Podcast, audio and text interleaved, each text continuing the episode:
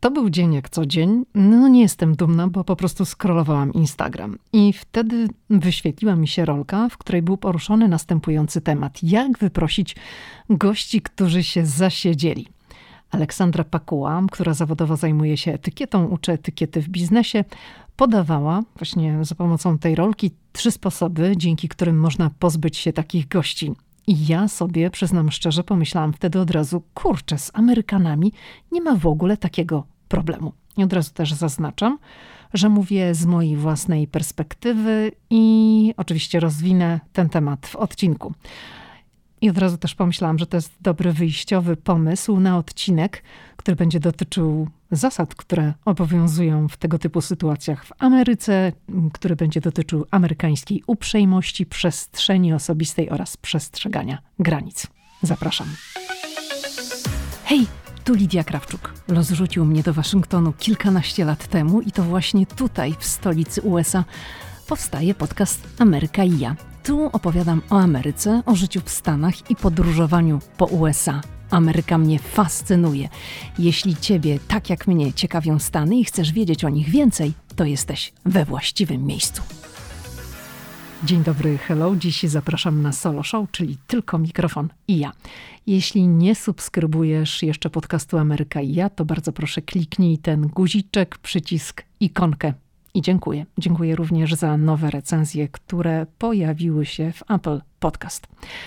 Powiedziałam na wstępie o inspiracji do nagrania tego odcinka i o tym, że gdy usłyszałam o sposobach wyproszenia gości, którzy się zasiedzieli w naszym domu, to od razu pomyślałam, że z Amerykanami nie ma takiego problemu. I zaznaczam, mówię z własnej perspektywy, bo moje doświadczenia są takie, iż Amerykanie są tak zaprogramowani, że jest to po prostu w złym tonie u kogoś przesiadywać za długo i po prostu się podnoszą. Przychodzi 22 w sobotę i znaczy 10 PM, 10 wieczorem. W Stanach, przypomnę, operujemy w tym 12-godzinnym systemie, a nie 24-godzinnym, także przychodzi 10 wieczorem i już tam się podnoszą.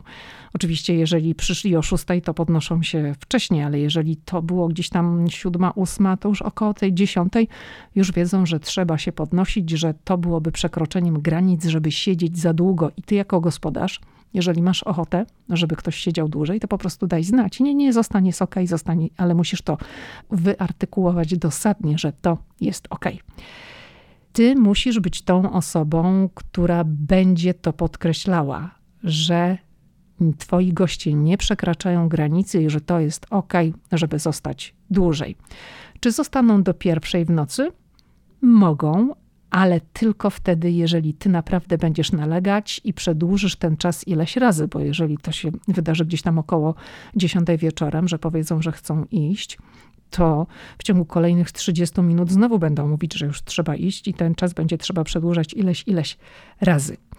To wcale nie jest tak, że Amerykanie nie potrafią długo siedzieć. Potrafią, zwłaszcza jeśli wpadną na taką imprezę, na której są cudzoziemcy, czyli na przykład są Polacy, jest ktoś z Ameryki Południowej, czyli takie kraje, w których no, ludzie są przyzwyczajeni do tego, że można sobie posiedzieć dłużej i dłużej poimprezować. Także Wtedy, jak się mieszają te kultury, to zabawa zawsze troszeczkę inaczej wygląda, no bo wiadomo, że każdy od siebie coś daje i, i tutaj trzeba znaleźć taką równowagę, żeby wszyscy fajnie się bawili.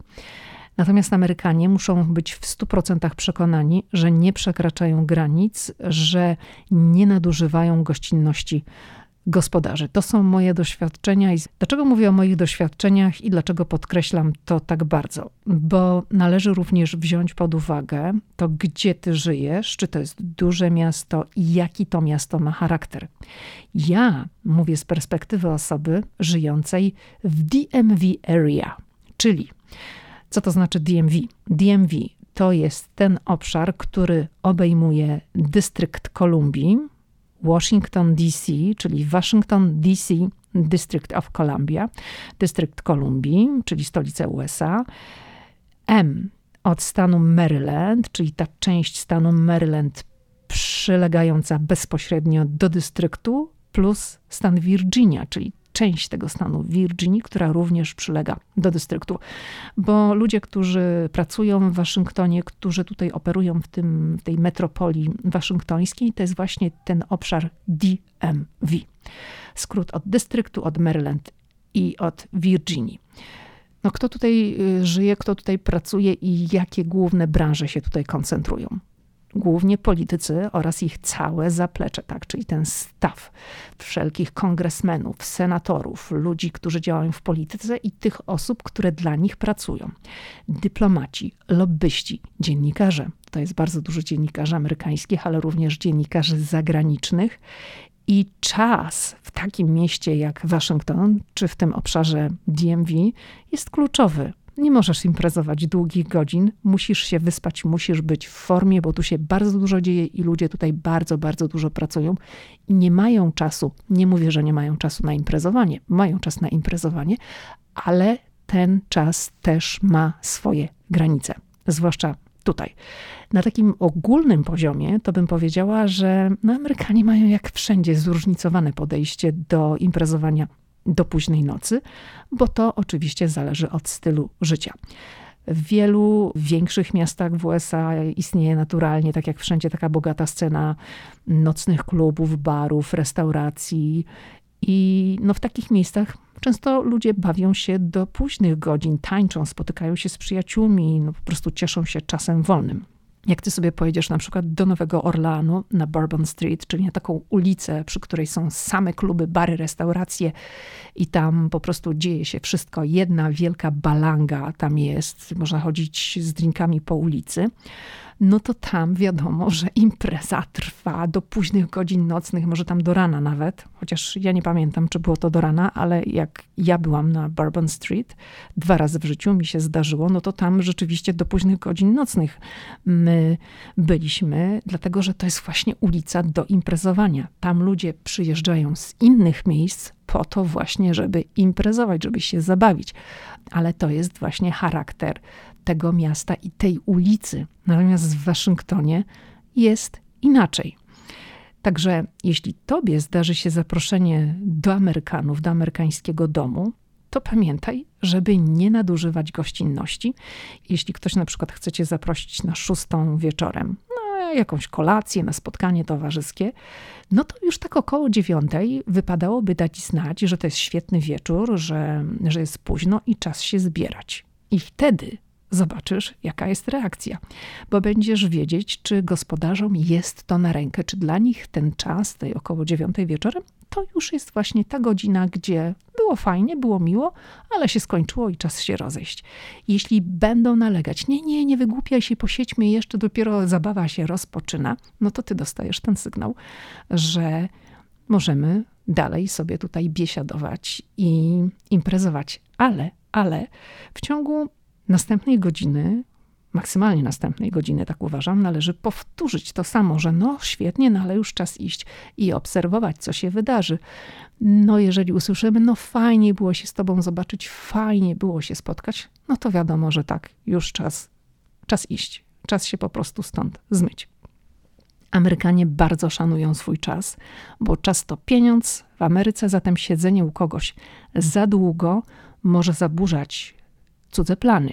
Na przykład poranny trening, który jest zaplanowany, że ktoś codziennie, czy świątek, piątek, czy niedziela o 6 czy o 7 rano ma trening, bo to jest dla niego idealny czas, czy cokolwiek, czy na przykład chęć poczytania przed snem wieczorem. Jeżeli ktoś ma taką rutynę i jest bardzo zorganizowany i szanuje swój czas, no to należy też wziąć to pod uwagę i respektować właśnie te zasady. Zresztą muszę też zaznaczyć, że może się zdarzyć, że takie granice czasowe zostaną ściśle określone w samym zaproszeniu, które do nas na przykład trafi. Czy to będzie zaproszenie za pomocą maila? No w tej chwili to już najczęściej są, są te formy mailowe czy osobiste, takie, czy to będzie zaproszenie w formie takiej papierowej, czyli na jakąś oficjalną rzeczywiście imprezę na przykład imprezę ślubną, to często tam będą określone mm, ramy czasowe. To wyjdę na przykład od takich, jak ja to nazywam, oficjałek. jeżeli tutaj otrzymuję jakieś oficjalne zaproszenie na jakieś imprezy, eventy, które odbywają się w Waszyngtonie, to ono zawsze jest ściśle określone od do. Czyli na przykład, jeżeli zaczyna się o 7 wieczorem, to jest napisane, że na przykład kończy się o 8.30 czy o 9 wieczorem i koniec. I przychodzi ta godzina i wszyscy wiedzą, że należy po prostu tę imprezę opuścić, bo taki był określony czas. Jeżeli na przykład to są, zwłaszcza pamiętam, jak mój syn był mały i dużo było tych urodzin, dzieci, to też zawsze to było określone od do, że na przykład to jest tam w sobotę czy w niedzielę od 12 do 2 po południu, jeżeli to było u kogoś w domu. A jak dzieci są takie małe, to zazwyczaj to było gdzieś tam w domu. No to jak przychodziła ta godzina, że już koniec, to gdzieś tam za pięć ta załóżmy druga, bo o drugiej był określony, że jest koniec tego spotkania urodzinowego dla dzieci, to już wszyscy rodzice amerykańscy po prostu sami z siebie zaczynali jakby porządkować pewne rzeczy, już przygotowywać się do wyjścia, żeby o tej drugiej koniec wychodzimy, bo takie były określone ramy czasowe. Zdarzyło mi się nawet, muszę powiedzieć szczerze, otrzymać zaproszenie na taką imprezę, powiedziałabym, poślubną. To była taka, można powiedzieć, symboliczna lampka szampana razem z krojeniem tortu weselnego dla bliskich, znajomych, przyjaciół i był ściśle określony czas, że to się zaczyna o 6 i trwa do 7.30 i koniec. Państwo młodzi zaplanowali sobie taki czas, i no po prostu ty jako gość dostajesz taką informację i musisz się dostosować, że dali ci półtorej godziny, mimo że to była sama grupa takich znajomych osób. No ale tak sobie postanowili, że tyle chcą na to poświęcić czasu i koniec. Także mm, z Amerykanami jest tak, że no jak już jest ten określony czas, że koniec, to się zwijają i koniec. Amerykanie naprawdę przywiązują wagę do czasu, do tego poszanowania czasu i punktualność jest też bardzo, bardzo kluczowa. I jeżeli się ktoś spóźnia, to jest to uznawane jako coś bardzo takiego niegrzecznego, bez klasy. Jeżeli się umawiasz na konkretną godzinę, to przychodzisz na konkretną godzinę, nie spóźniasz się. Ja na przykład mam takie doświadczenia, że nawet jeżeli to dotyczy playdate czy sleepover, czyli playdate jest takie no, spotkanie, jak załóżmy mój syn zaprasza jakiegoś kolegę do siebie do domu i no, oni mają spędzić razem czas w naszym domu. Chciałabym powiedzieć bawić się, no ale dziesięciolatki to już tam zabawkami się tak nie bawią, tak robią inne rzeczy, no ale spędzają razem czas no to to już jest określane. Ja się też tego nauczyłam od Amerykanów, że zapraszam jakieś dziecko, znaczy mój syn zaprasza jakieś dziecko, no ale to ja muszę zaaranżować z jego mamą jeszcze na tym etapie, że to jest na przykład, nie wiem, na dwie czy trzy godziny. Tak? Załóżmy, że są ramy czasowe określone, że są to dwie godziny. Czwarta, szósta. Ale zazwyczaj dla dzieci to jest za mało. Już mam takie doświadczenia swoje i wtedy ja piszę do tej mamy wiadomość, czy to jest ok dla niej, żeby dzieci zostały jeszcze razem godzinę dłużej, bo dla mnie to jest ok. I one również chcą spędzić ten czas godzinę dłużej, ale już daję czas z wyprzedzeniem tej mamie, czy dla niej też to jest też ok. I ona no, zazwyczaj pisze, że jest ok, no chyba, że są jakieś inne plany, ale zazwyczaj jest to ok. I jak kolega ma przyjechać na tę konkretną godzinę, to ja już dostaję wiadomość, że są w drodze i że będą o czasie, albo na przykład, że jeżeli coś się wydarzyło, jest korek, albo cokolwiek się wydarzyło i się spóźnią 10 minut, to ja też dostaję wiadomość, że z wyprzedzeniem, że się spóźnimy tam 10 minut, że ja bardzo przepraszam, ale tam coś się wydarzyło. Także przywiązują bardzo dużą wagę do takich rzeczy. I jeszcze jedna rzecz. Przywiązują bardzo dużą wagę do podziękowań. Kiedyś były to takie w formie fizycznej thank you notes, czyli takie no, kartki, no to tak jak, no, takie, no, tak jak takie kartki na, na urodziny.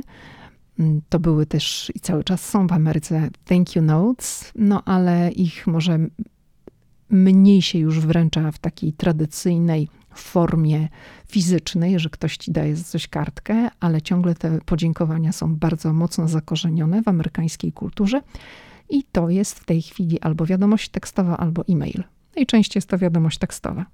Czyli jeżeli ktoś na przykład był u mnie w domu i mieliśmy jakąś kolację wspólną, czy o, tak jak da, dawałam przykład, jakiś kolega był na playdate, czyli no, na takim spotkaniu towarzyskim dla dzieci. Oni po prostu robią sobie tam razem różne rzeczy w pokoju mego syna, spędzają wspólnie czas i jak już to playdate się kończy, czy jak się kończy jakaś impreza u nas, to ja dostaję już zaraz najczęściej, jak tylko już ludzie wyszli, to zaraz dostaję wiadomość z podziękowaniem za albo to playdate, albo za spotkanie, za kolację, że było super i w ogóle i są same ochy i achy.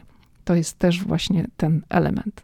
I to jest takie charakterystyczne, że najczęściej to się dzieje już ledwo wyszli, a już piszą, że super, dziękują i bardzo w ogóle pięknie. Także mm, to jest też bardzo takie charakterystyczne w Stanach Zjednoczonych. Tak samo jak to proszę i dziękuję. Też zauważyłam, że to się jakoś tam we mnie zakorzeniło przez te lata życia w Ameryce, że jak gdzieś tam nawet w Polsce cokolwiek załatwiam, to ja przepraszam, przepraszam, czy ja mogę tam w ogóle, za wszystko przepraszam, co jest oczywiście bez sensu. Ale no, gdzieś tam ten schemat takiego sformułowania w głowie się u człowieka wytwarza i no po prostu robi, robi to na zasadzie kopiuj wklej. Przenosi pewne wzorce z jakiejś tam kultury, w którą został wrzucony ileś naście lat temu do tej kultury, w której wyrastał. Kolejna taka rzecz, która jest bardzo ważną kwestią w Stanach Zjednoczonych, to jest przestrzeń osobista i jej poszanowanie. To trzeba bezwzględnie respektować. Amerykanie przywiązują dużą wagę do zachowania takiej przestrzeni osobistej, zarówno w kontaktach społecznych, jak również w publicznych sytuacjach. W miejscach publicznych, takich jak transport publiczny, kolejki mm, czy sklepy, ludzie starają się utrzymywać pewną odległość od siebie i to jest tak ponad pół metra, czego nie ma w Polsce, zwłaszcza przy kasach i co mnie osobiście po latach spędzonych w USA, nie będę ukrywała, przeszkadza i osoby zwłaszcza już w pewnym wieku, takie starsze, tego kompletnie nie rozumieją, nie szanują i naruszają przestrzeń osobistą. No co z tego, że na przykład jak ja stoję w kasie, do kasy w Biedronce, stoję ponad pół metra od osoby, która jest przede mną, kiedy za mną praktycznie ktoś mi chucha do ucha. No na szczęście jestem wysoka, więc zazwyczaj gdzieś tam w plecy mi chucha, ale ja już się nie czuję komfortowo. I nawet jak ja się będę odsuwać, to ktoś będzie po prostu za mną, jak ten cień, dalej podążał, bo ma tak zakodowane. Ja tego nie lubię.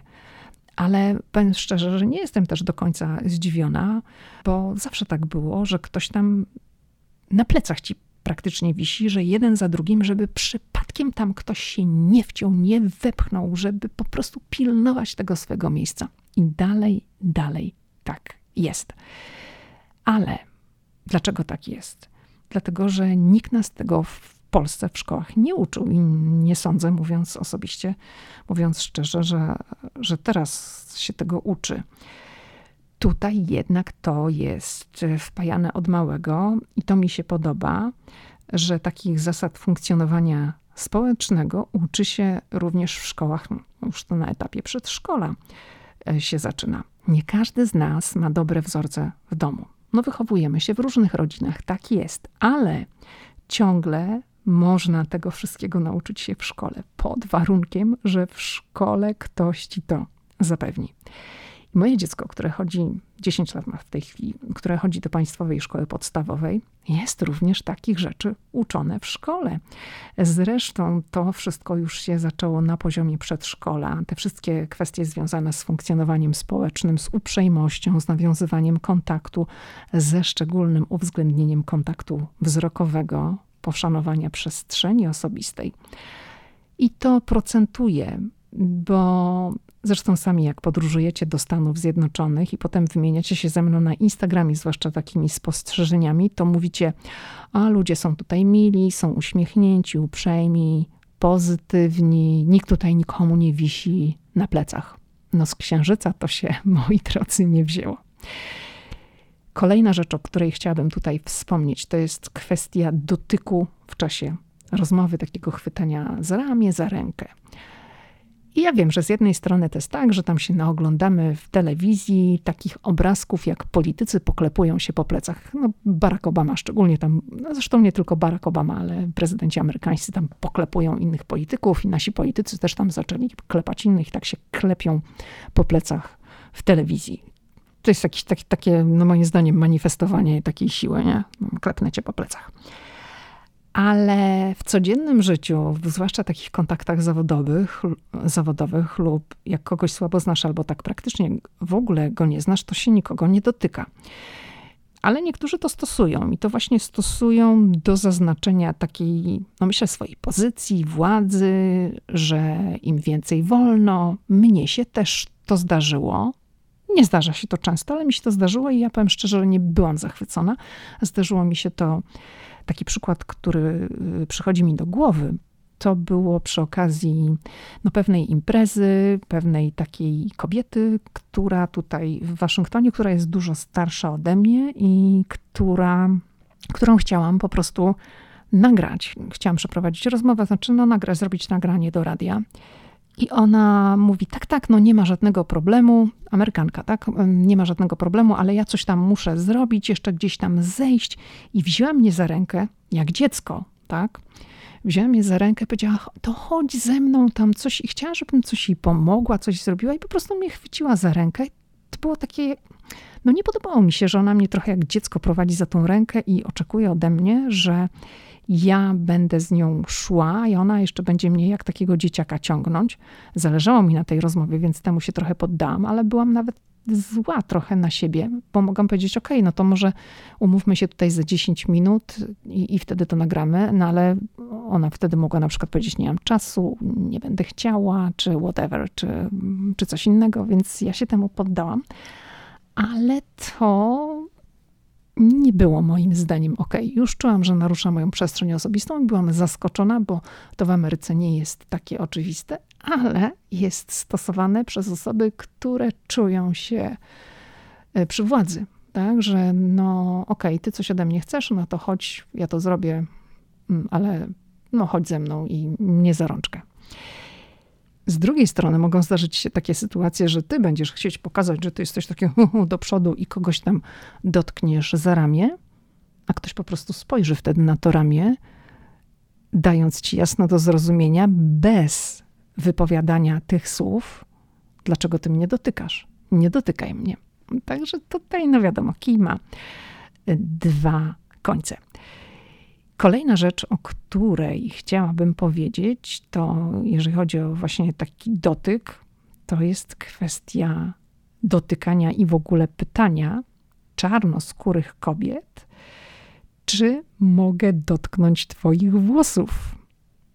Nie dotykamy i nie pytamy. Naszą ciekawość dotyczącą tego, mm, jakie są w dotyku włosy, jaką mają strukturę e, włosy, czarnoskórych kobiet musimy po prostu schować do kieszeni. Nie robi się tego, proszę też pamiętać, że e, wiele czarnoskórych kobiet nosi peruki, to jest też część e, kultury, wygody i no tak jest, ale kwestia właśnie tej ciekawości osób, które no, są na przykład białe i chciałyby dotknąć włosów kobiety czarnoskórej, to jest fopa, to jest nie na miejscu. I dlaczego ja w ogóle o tym mówię? Dlatego, że te wątki są tutaj bardzo mocno akcentowane i podnoszone. Skoro pisze się na ten temat całe artykuły, to znaczy, że ten problem jest i to znaczy, że kobiety czarnoskóre tego nie lubią i no, chcą, żeby o tym e, pamiętać. Także tak ogólnie rzecz e, ujmując, nieprzestrzeganie, nierespektowanie przestrzeni osobistej, ten brak zachowania dystansu fizycznego jest powszechnie uznawany za brak szacunku. Także należy o tym pamiętać. Ty o tym pamiętaj w czasie swojej podróży do Stanów Zjednoczonych.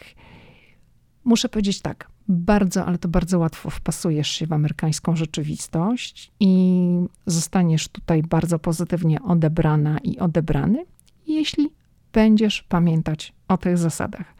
O tym, że trzeba być punktualnym, o tym, że trzeba być uprzejmym, o tym, że trzeba szanować cudzą przestrzeń osobistą i o tym, żeby pamiętać, iż nie nadużywamy cudzej gościnności.